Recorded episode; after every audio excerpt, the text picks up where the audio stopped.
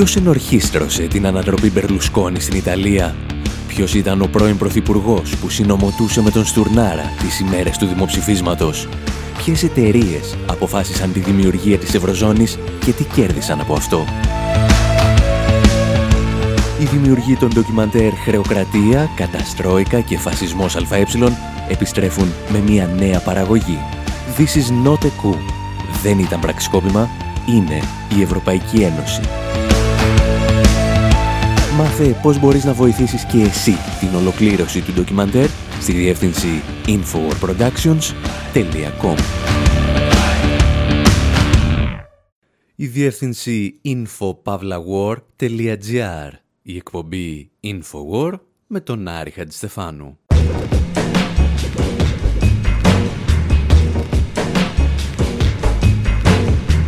Όπου σήμερα αναρωτιόμαστε αν είναι σωστό να βγάζεις φωτογραφίες, ειδικά εάν το θέμα σου είναι νεκρά παιδάκια που δεν κατάφεραν να εισέλθουν στην Ευρώπη φρούριο, προκειμένου να γλιτώσουν από μια πολεμική σύραξη για την οποία ευθύνεσαι και εσύ.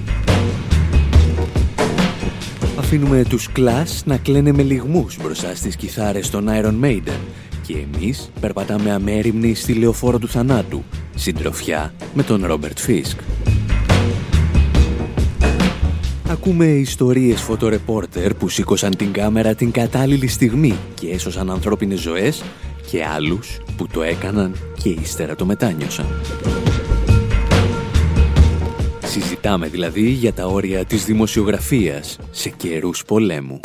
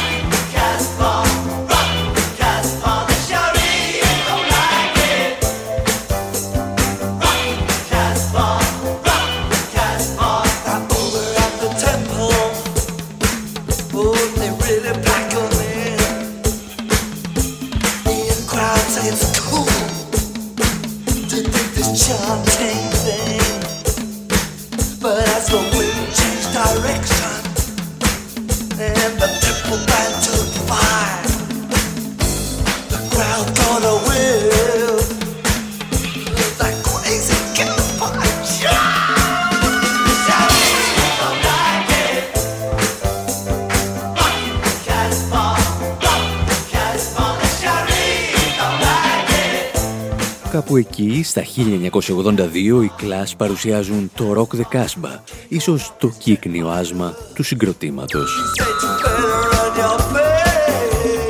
Τραγουδούν για αυταρχικούς Άραβες ηγέτες που δεν θέλουν να ακούν ροκ μουσική. Και τη λύση στο δράμα δίνουν οι πιλότοι μαχητικών αεροσκαφών που βομβαρδίζουν κατοικημένες περιοχές ανάμεσα στους μιναρέδες. Το πρόβλημα όμως, όπως γνωρίζετε με τους κλάς, είναι ότι δεν τραγουδούσαν για το παρελθόν, αλλά συνήθως προέβλεπαν το μέλλον. Αν με το τραγούδι τους The Guns of Brixton προέβλεψαν τις αναταραχές στο Brixton του Λονδίνου, με το Rock the Casbah προέβλεψαν ότι 10 χρόνια αργότερα κάποιοι πιλότοι πολεμικών αεροσκαφών θα άκουγαν την ίδια μουσική ενώ βομβάρδιζαν κατοικημένες περιοχές ανάμεσα στους μιναρέδες της Βαγδάτης. Όπως ίσως γνωρίζετε, το Rock the Casbah ήταν το πρώτο τραγούδι που μετέδωσε ο ραδιοφωνικό σταθμός των Αμερικανικών ενόπλων δυνάμεων καθώς ξεκινούσαν οι βομβαρδισμοί του Ιράκ στον πρώτο πόλεμο του Περσικού κόλπου. Και αν πιστέψουμε τη σχετική φιλολογία, όταν ο Τζο Στράμερ των Κλάς έμαθε ότι ένας πόλεμος ξεκίνησε με ένα δικό του τραγούδι, ξέσπασε σε λιγμούς. Αυτό που μας ενδιαφέρει όμως στη σημερινή εκπομπή δεν είναι ούτε τι άκουγαν οι πιλότοι των Αμερικανικών μαχητικών, ούτε ποιος είχε γράψει το τραγούδι. Γιατί σήμερα μιλάμε για τους ανθρώπους που κάλυπταν δημοσιογραφικά αυτό τον βρώμικο πόλεμο. Ο πρώτος πόλεμος του κόλπου, εκτός από χιλιάδες νεκρούς, θα μας δώσει και το λεγόμενο φαινόμενο του CNN, όπου δημοσιογραφία δεν είναι πλέον να καλύπτεις αυτά που συνέβησαν, αλλά να μεταδίδεις αυτά που συμβαίνουν.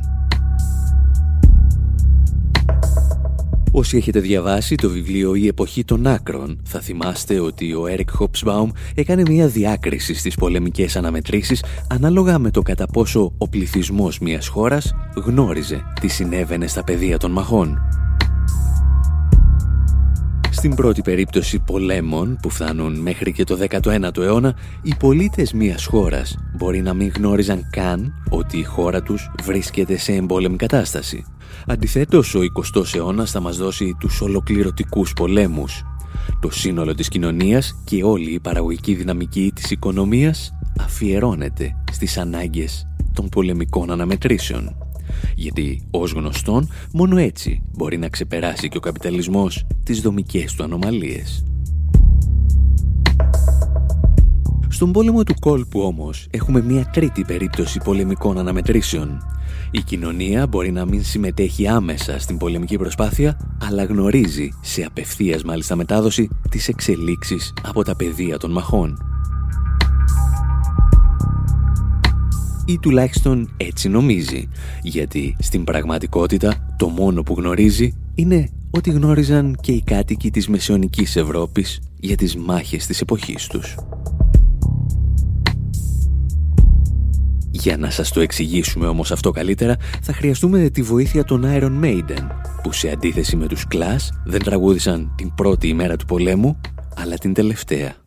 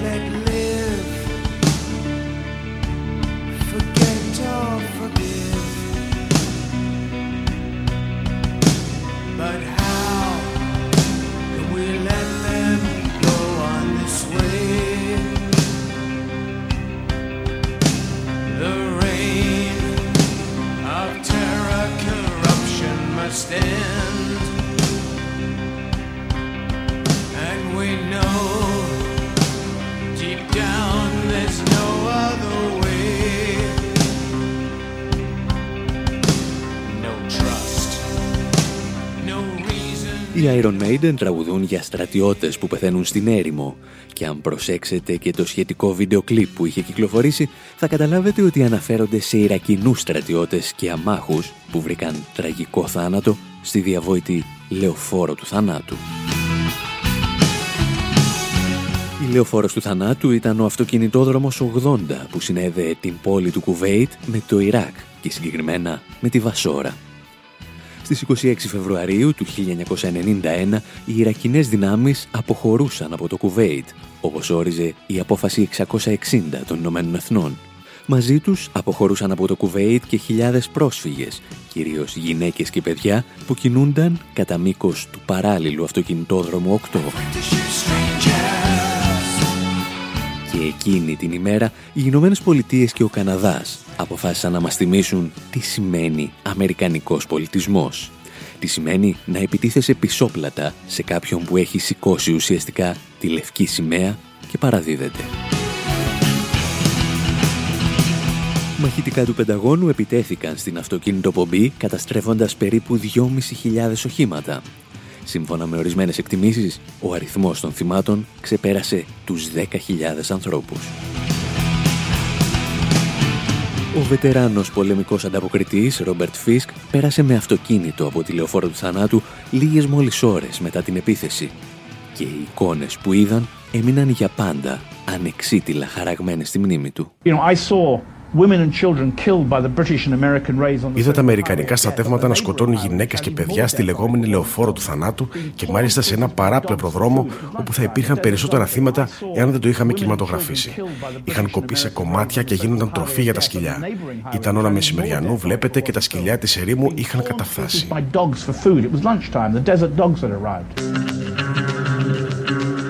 Αυτές οι εικόνες που περιέγραφε ο Ρόμπερτ Φις δεν έφτασαν ποτέ ή έφτασαν με μεγάλη καθυστέρηση και αποσπασματικά στην κοινή γνώμη της Δύσης. Και αυτό δεν αφορούσε μόνο τις εικόνες των κομματιασμένων παιδιών που τα έτρωγαν τα σκυλιά της ερήμου, αλλά και μία από τις πιο θρηλυκές φωτογραφίες του 20ου αιώνα. Τις ίδιες ημέρες που βρέθηκε στην περιοχή ο Ρόμπερτ Φίσκ ταξίδευε στη λεωφόρο του θανάτου και ο φωτορεπόρτερ Κεν Τζάρεκ, τον Τζάρεκ συνόδευε ένας αξιωματούχος του Αμερικανικού Πενταγώνου. Κάποια στιγμή σταμάτησαν στη μέση του δρόμου, δίπλα σε ένα βομβαρδισμένο φορτηγό και κατέβηκαν να δουν τι είχε συμβεί. Από την πόρτα του φορτηγού φαινόταν το απανθρακωμένο πτώμα ενός Ιρακινού, που όπως μπορούσαν να καταλάβουν προσπαθούσε να ξεφύγει από το φλεγόμενο όχημα, αλλά κάηκε ζωντανός. Το σώμα του θύμιζε τα πτώματα της Πομπιείας, που έμειναν σχεδόν ανέπαφα όταν η λάβα του Βεζούβιου κάλυψε ολόκληρη την πόλη. Ο Αμερικανός αξιωματούχος προσπάθησε να αποτρέψει τον Τζάρεκ από το να τραβήξει αυτή τη φωτογραφία, αλλά δεν τα κατάφερε. Ίσως να μην ανησυχούσε και πολύ, γιατί γνώριζε τι θα ακολουθούσε. Για τις επόμενες ημέρες ο Τζάρεκ προσπαθούσε να στείλει τη φωτογραφία του σε διεθνή πρακτορία, αλλά έβρισκε σχεδόν όλες τις πόρτες κλειστές. Η φωτογραφία διέλυε το μύθο των χειρουργικών χτυπημάτων που προωθούσαν οι αξιωματούχοι του Πενταγώνου και οι υποτελείς δημοσιογράφοι τους σε όλο τον κόσμο. Ουσιαστικά έδειχνε, όπως εξηγούσε αργότερα και ο Ρόμπερτ Φίσκ σε μια ομιλία του, αυτό που κανένας δεν θέλει να βλέπετε σε έναν πόλεμο. αν βλέπατε αυτά που εμείς βλέπουμε στους πολέμους, αν έβλεπες να χάνονται συνάδελφοι και φίλοι που κατάγονταν από αυτές τις περιοχές, δεν θα υποστήριζες ποτέ ξανά στη ζωή σου οποιονδήποτε πόλεμο.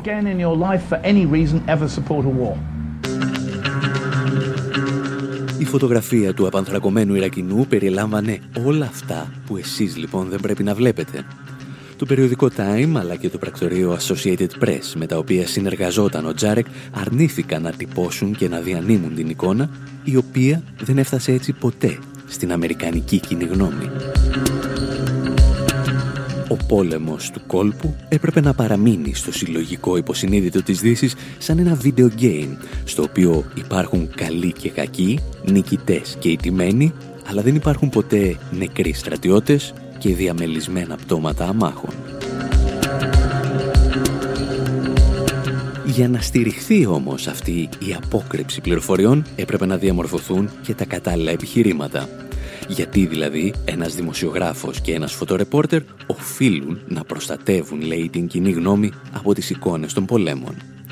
Θα τα εξηγήσουμε εντός ολίγου.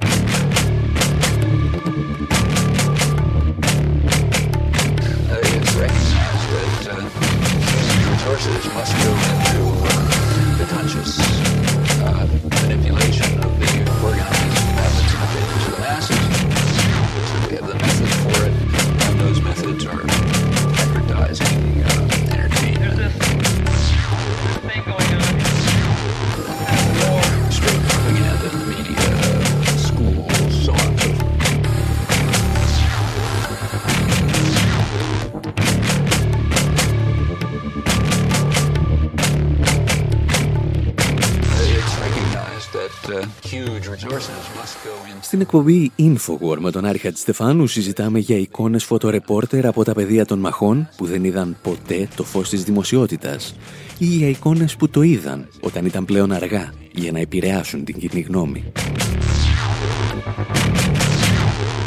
Στο πέρασμα του χρόνου, δεκάδες φωτορεπόρτερ και εικονολήπτες συνάντησαν τις κλειστές πόρτες εφημερίδων και πρακτορείων όταν θέλησαν να μεταδώσουν τη φρίκη των στρατιωτικών επεμβάσεων της Δύσης.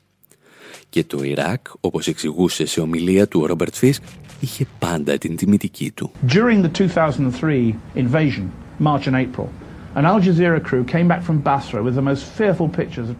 Κατά τη διάρκεια της εισβολής στο Ιράκ το 2003, ένας κάμεραμαν του Al Jazeera επέστρεψε από τη Βασόρα με τις πιο φρικιαστικές εικόνες από τραυματισμένα και νεκρά παιδιά. Άρχισε λοιπόν να στέλνει τις εικόνες τους σε πρακτορία όπως το Reuters. Κάποια στιγμή όμως τον κάλεσαν από το Λονδίνο και του είπαν ότι δεν υπάρχει νόημα να στέλνει πράγματα που δεν μπορούσαν να δείξουν στην τηλεόραση. Ο εικονολήπτη του Al Jazeera του είπε: Σας παρακαλώ, πρέπει να τα δείξετε. Αυτά συμβαίνουν εδώ. Και η φωνή στο τηλέφωνο του απάντησε. Δεν μπορούμε να τα δείξουμε. Είναι η ώρα για το απογευματινό τσάι και σε κάθε περίπτωση αυτό που στέλνεις είναι ένα είδος πορνογραφίας.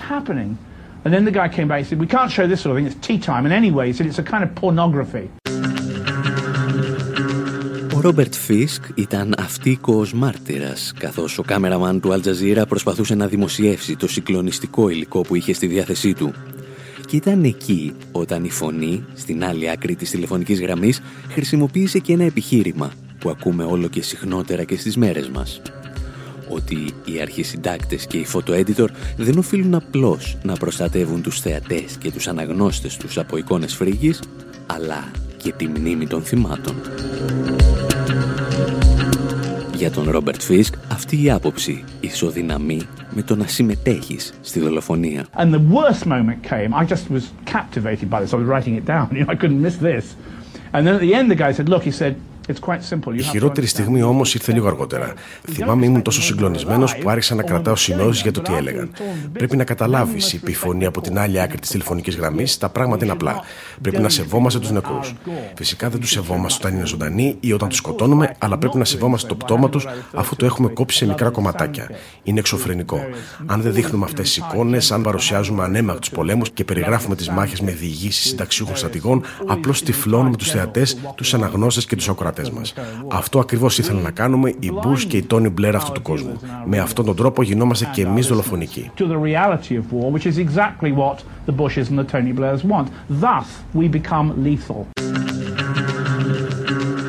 επιχείρημα ότι οφείλεις να προστατεύεις τη μνήμη των θυμάτων ακούστηκε και τις τελευταίες ημέρες, καθώς η Μεσόγειος συνέχιζε να ξεβράζει τα πτώματα ανήλικων που στην προσπάθειά τους να ξεφύγουν από τα πεδία των μαχών έπεφταν στα τείχη της Ευρώπης φρούριο.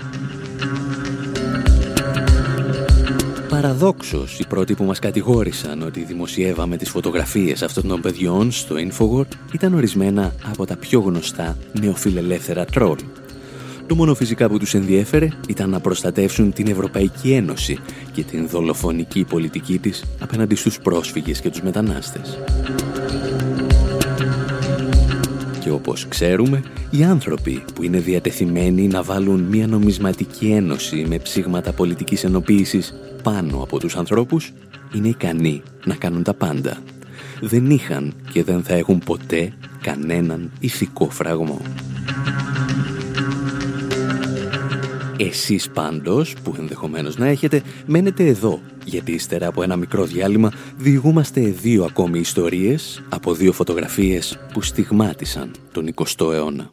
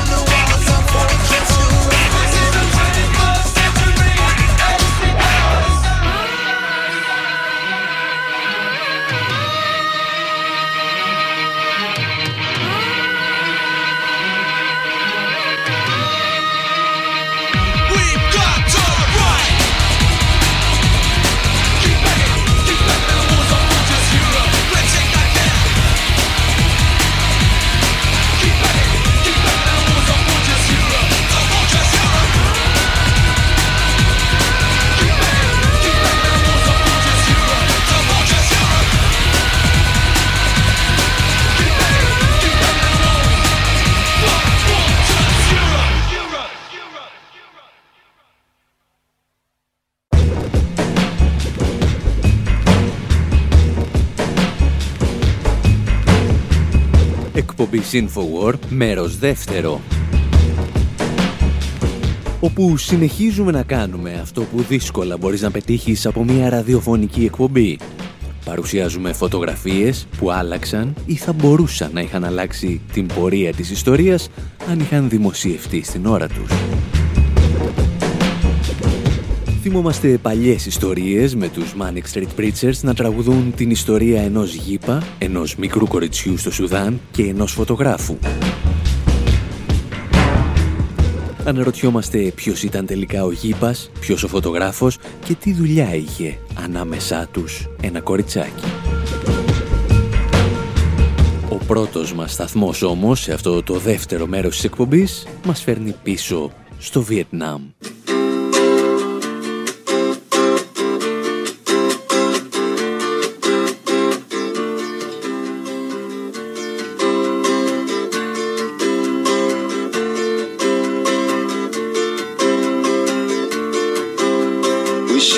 Sick, the young, the lame. We do our best to kill and maim. Because the kills all count the same. Napalm sticks to kids. Flying low across the trees, pilots doing what they please, dropping frags on refugees. Napalm sticks to kids.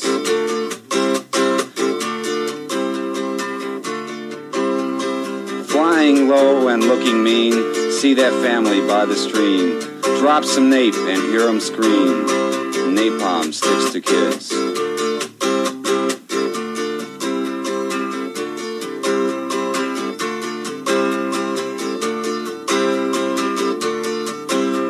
A group of gooks in the grass, but all the fighting's long since past. Crispy youngsters in a mass, napalm sticks to kids.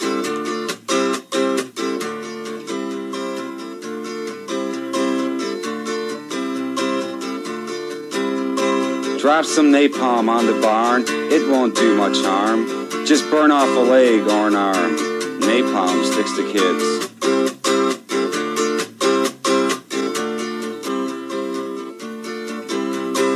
Gather kids as you fly over town by tossing candy on the ground. Then grease them when they gather round. Napalm sticks to kids.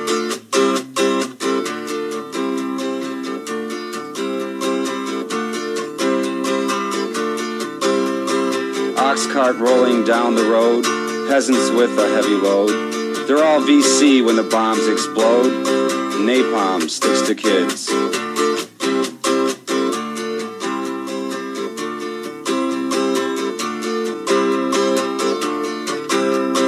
Cobras flying in the sun, killing gooks is macho fun.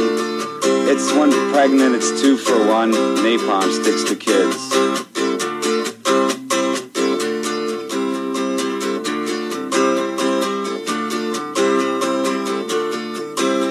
A goop down on her knees, some checks into the breeze. Her arms are nailed to the trees. Napalm sticks to kids.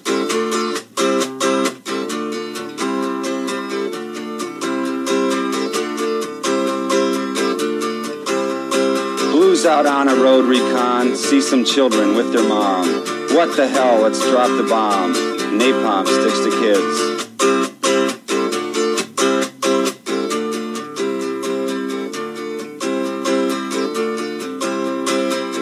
Good shape for the shape they're in, but God, I wonder how they can win with napalm running down their skin. Napalm sticks to kids. Ο κύριος που ακούτε όλη αυτή την ώρα ανήκει στο συγκρότημα Covered Wagon Musicians, ένα συγκρότημα που αποτελούνταν από πρώην μέλη της Αμερικανικής πολεμικής αεροπορίας. Και εδώ τραγουδούσαν για τις επιπτώσεις που είχαν οι βόμβες Napalm στα παιδιά του Βιετνάμ.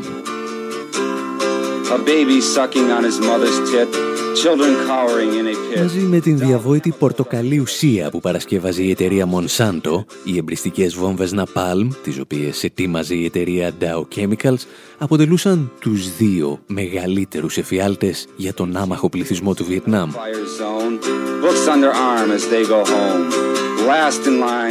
Ίσως όμως κανένας να μην είχε δώσει ιδιαίτερη σημασία εάν ένας φωτογράφος δεν σήκωνε μια μέρα τη μηχανή του για να καταγράψει ένα κοριτσάκι που είχε μόλις καεί ζωντανό από μια βόμβα ναπάλμ.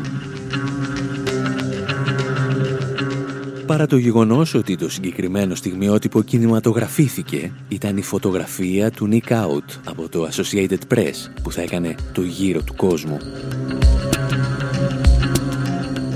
Αρχικά οι αρχισυντάκτες στο New York Times αρνήθηκαν να δημοσιεύσουν τη φωτογραφία. Ύστερα όμως από μια θυελώδη σύσκεψη έδωσαν το πράσινο φως. Την επόμενη μέρα η Αμερική έβλεπε μία από τις πιο συγκλονιστικές και φρικτές εικόνες του πολέμου και ο λευκός οίκος του Πρόεδρου Νίξον ένιωθε την καυτή ανάσα του αντιπολεμικού κινήματος να τον κυκλώνει.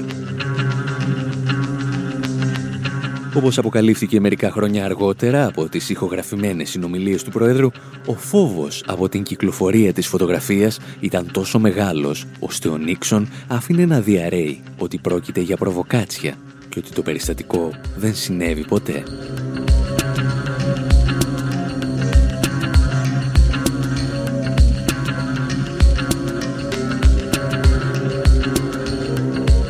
Για την ιστορία, το κοριτσάκι που κάηκε από την Απάλμ λέγεται Φαν Θη Κιμ Φουκ και σήμερα είναι 52 ετών. Μετά το περιστατικό σπούδασε ιατρική στην Κούβα, όπου έζησε και το μεγαλύτερο μέρος της ζωής της. Το 1992 όμως, ενώ επέστρεφε από τον μήνα του μέλητο στη Μόσχα, σταμάτησε στον Καναδά, ζήτησε πολιτικό άσυλο και έκτοτε ζει εκεί.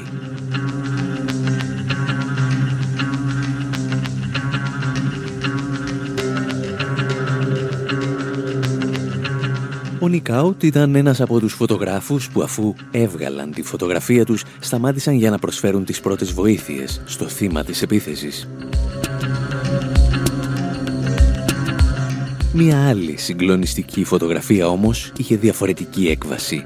Όχι για το θύμα, αλλά για τον ίδιο τον φωτογράφο. Τις πληροφορίες μας δίνουν οι Manic Street Preachers και επιστρέφουμε.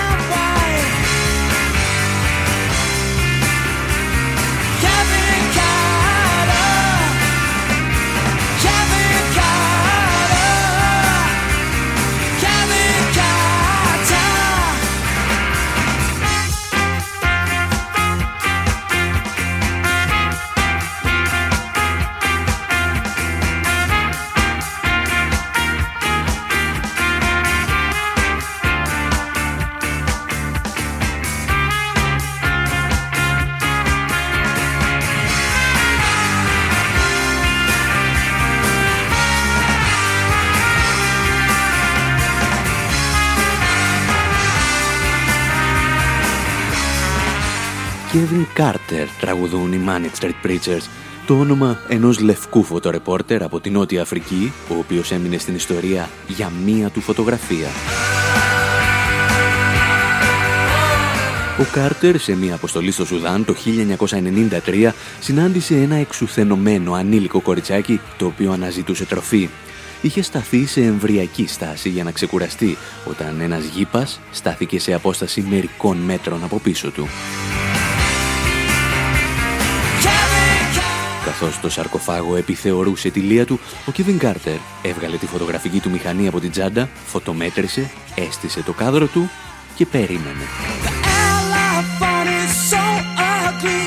Ήθελε να δει το γήπα να ανοίγει τα φτερά του 20 λεπτά αργότερα και ενώ τίποτα δεν συνέβαινε, έδιωξε το γήπα για να βεβαιωθεί ότι δεν θα επιτεθεί στο κοριτσάκι και έφυγε.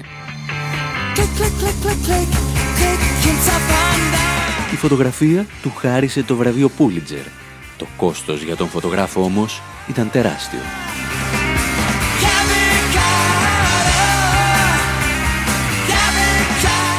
Καθώς η φωτογραφία έκανε το γύρο του κόσμου αποκαλύπτοντας το μέγεθος της τραγωδίας στο Σουδάν, ο Κίβιν Κάρτερ άρχισε να λαμβάνει επιστολές και να διαβάζει κείμενα για το έργο του. Ακόμη και οι ορισμένοι φίλοι του αναρωτήθηκαν αν ο κακός της ιστορίας ήταν τελικά ο Γήπας ή ο ίδιος ο φωτογράφος. Το σώμα του φωτορεπόρτερ, του κοριτσιού και του Γήπα είχαν την ίδια στάση, έγραψε τότε η Μον Diplomatique, αν και απέφυγε να κατηγορήσει ευθέως τον Κέβιν Κάρτερ. Όταν η φωτογραφία δημοσιεύτηκε στους New York Times, χιλιάδες αναγνώστες τηλεφωνούσαν για να ρωτήσουν τι απέγινε το κοριτσάκι και συχνά εξοργίζονταν με την απάντηση «Δεν ξέρουμε, πάντως όταν φύγαμε ήταν μια χαρά». Ένας άνθρωπος που ρυθμίζει το φακό του για να καταγράψει τη δυστυχία, έγραψε τότε μια αμερικανική εφημερίδα, είναι και αυτός αρπακτικό. Είναι ένας ακόμη γήπας στο κάδρο. Εν ολίγης, άνθρωποι που δεν γνώριζαν που βρίσκεται το Σουδάν στο χάρτη άρχισαν να εξαπολύουν συμπυκνωμένες δόσεις ανθρωπισμού και αναγνώρισαν τον υπέτειο για την κρίση που μαστίζει την Αφρική στο πρόσωπο ενός φωτογράφου. Λες και ο Κάρτερ ευθυνόταν για τους δύο εμφύλιους πολέμους που άφησε πίσω της η Βρετανική απεικιοκρατία, σαν να ήταν αυτός υπεύθυνος για την πολιτική του Διεθνούς Νομισματικού Ταμείου και της Παγκόσμιας Τράπεζας, που βήθιζε ολόκληρη τη Μαύρη Ήπειρο στη φτώχεια και στην ανέχεια. Ο Κάρτερ δήλωνε ότι δεν είχε κάνει κανένα λάθος και κατάφερνε να πείσει τελικά τους συνομιλητές του. Το πρόβλημα ήταν ότι δεν κατάφερε να πείσει τον εαυτό του. Ως φωτογράφος, έλεγε αργότερα, το πρώτο μου ένστικτο ήταν να βγάλω τη φωτογραφία. Ύστερα όμως τα ένστικτα μπερδεύτηκαν. Για την ακρίβεια φαίνεται πως ο φωτογράφος της ιστορίας μας έχασε το βασικό ένστικτο της αυτοσυντήρησης. Στις 27 Ιουλίου του 1994 πάρκαρε το αυτοκίνητό του σε μια ερημική περιοχή.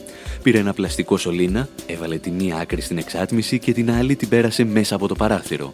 Ήταν νεκρός σε διάστημα λίγων λεπτών. I'm haunted by the vivid memories of killings and corpses and anger με κυνηγούν ζωντανές αναμνήσεις θανάτου, πτωμάτων, οργής και πόνου, έγραφε το σημείωμα που βρέθηκε δίπλα του. Εικόνες παιδιών που πεθαίνουν από την πείνα, εικόνες ανθρώπων που χαίρονται να πυροβολούν. Συχνά είναι αστυνομικοί. Οι επικριτές του Κέβιν Κάρτερ είχαν κάνει λοιπόν ένα τραγικό λάθος. Δεν ήταν ένας μισθοφόρος της ενημέρωσης όπως τον αποκάλεσαν. Ήταν ένας ήρωας του φωτορεπορτάζ. Γεννημένος στη Νότια Αφρική, ο Κάρτερ ξεκίνησε την καριέρα του στο αθλητικό ρεπορτάζ. Μην μπορώντας όμως να ανοιχτεί την μεταχείριση των μαύρων από το καθεστώς του Apartheid, στράφηκε γρήγορα στο κοινωνικό. Δημιούργησε μαζί με άλλους φωτορεπόρτερ το Bang Bang Club και άρχισε να αποκαλύπτει τις θηριωδίες των λευκών, κάτι που μέχρι τότε έκαναν μόνο μαύροι φωτογράφοι. Ο Κάρτερ ήταν ο πρώτος που φωτογράφησε τις δημόσιες εκτελέσεις που πραγματοποιούσε το καθεστώς. Οι φωτογραφίες του, όπως και αυτές των άλλων μελών του Bang Bang Club, σπάνια δημοσιεύονταν στη Νότια Αφρική. Τα μέλη της ομάδας παρενοχλούνταν και συλλαμβάνονταν από τις αρχές του Apartheid. Γιατί για ένα ανελεύθερο καθεστώς δεν υπάρχει τίποτα πιο επικίνδυνο από έναν φωτογράφο που καταγράφει τα εγκλήματα που συντελούνται στην ίδια του τη χώρα.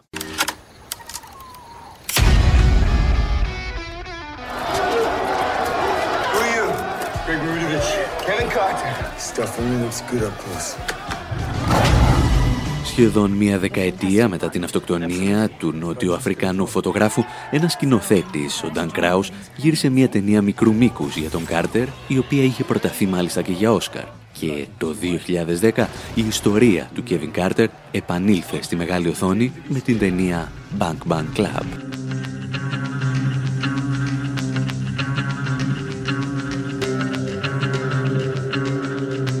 Φωτογραφία του Κέβιν Κάρτερ επανήλθε τις τελευταίες ημέρες στο προσκήνιο μόλις δημοσιεύτηκαν και οι εικόνες των νεκρών παιδιών προσφύγων που ξεβράζει η Μεσόγειος στις ακτές της. Όσοι δεν διαμαρτυρήθηκαν για αυτές τις δημοσιεύσεις, γιατί τους χαλούσε την εικόνα της Αγίας Ευρωπαϊκής Ένωσης, είχαν ένα άλλο, αρκετά πιο σοβαρό επιχείρημα. Η υπερέκθεση, είπαν, στον πόνο των άλλων δημιουργεί στην κοινή γνώμη ένα είδος ανοσίας που παρατηρείται σε γιατρούς ή αστυνομικούς. Πρόκειται για το λεγόμενο φαινόμενο του compassion fatigue, την κόποση της συμπόνιας. Η φρίκη, λένε, αρχίζει να γίνεται ανεκτή και στο τέλος αντιμετωπίζεται σαν φυσιολογική κατάσταση. Ο Ρόμπερτ Φίσκ πάντως δεν θα μπορούσε να διαφωνεί περισσότερο με αυτή την άποψη η φρίκη, λέει, δεν συνηθίζεται ποτέ. Το ερώτημα είναι ποιος την χορηγεί σε ποιον, σε τι ποσότητες και για ποιες πολιτικές σκοπιμότητες; No, there's no proof that people will get used to it. And we don't get used to it when we see the real thing. Δεν υπάρχει απόδειξη ότι οι άνθρωποι το συνηθίζουν. Ούτε εμείς το συνηθίζουμε που το βλέπουμε στην πραγματικότητα. Θα σου θέσω όμως ένα διαφορετικό ερώτημα. Γιατί σε ταινίες μυθοπλασίας στο σινεμά, όπως η διάσει του στρατιώτη Ράιαν, σε αφήνουν να δεις πράγματα που δεν μπορείς να δεις εάν προέρχονται από έναν αληθινό πόλεμο; Όταν το έχει κατασκευάσει στο Hollywood, μπορείς να το δεις και κανένας δεν λέει τίποτα. Σου δείχνουν ένα ξεκυλιασμένο πτώμα με τα έντερα να πετάγονται έξω και αφήνουν να το δουν ακόμη και παιδιά. Όταν υπάρχει όμως ένας αληθινός πόλεμος, δεν επιτρέπεται να ξέρεις. Γιατί οι κυβερνήσεις που σε εξουσιάζουν δεν θέλουν να το δεις when it's real war, you are not allowed to see it because the governments under whom you live don't want you to see it. Εμείς πάντως κάπου εδώ θα σας αφήσουμε και για αυτή την εβδομάδα. Σας λένε τίποτα αυτές οι εκπομπές και θέλετε να ακούσετε και τις προηγούμενες, θα τις βρείτε συγκεντρωμένες στη σελίδα μας info.pavlawar.gr όπου μπορείτε να τις ακούσετε ή να τις κατεβάσετε στον υπολογιστή και τα κινητά σας. Μέχρι την επόμενη εβδομάδα, από τον Άρη Χατζηστεφάνου στο μικρόφωνο και τον Δημήτρη Σταθόπουλο στην τεχνική επιμέλεια, γεια σας και χαρά σας. light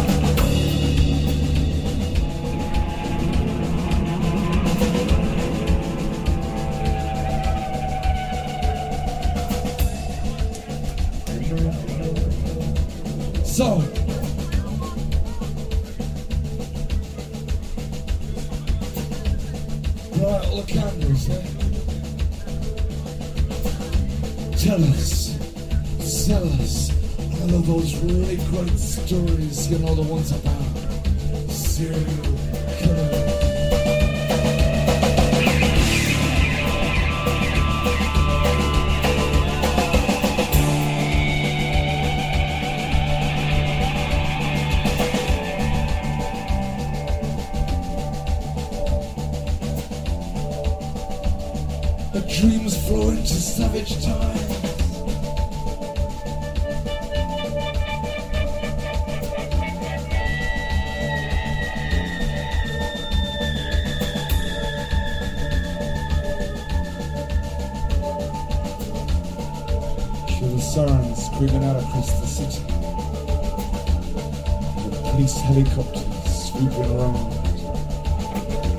so much scrap metal when they're rusted.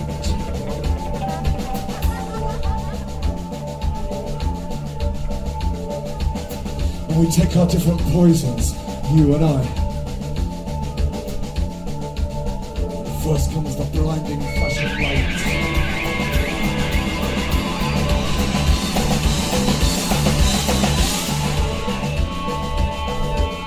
Then comes the wave of the glass. Angry princess.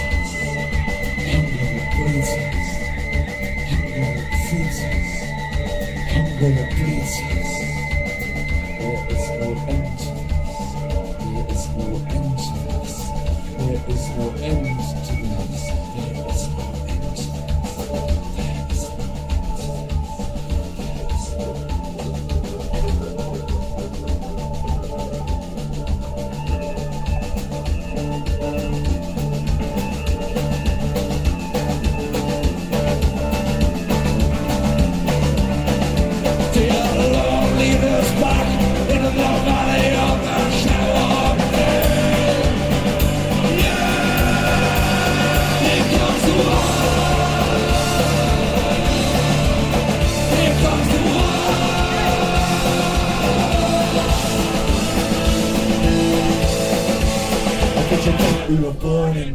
the time.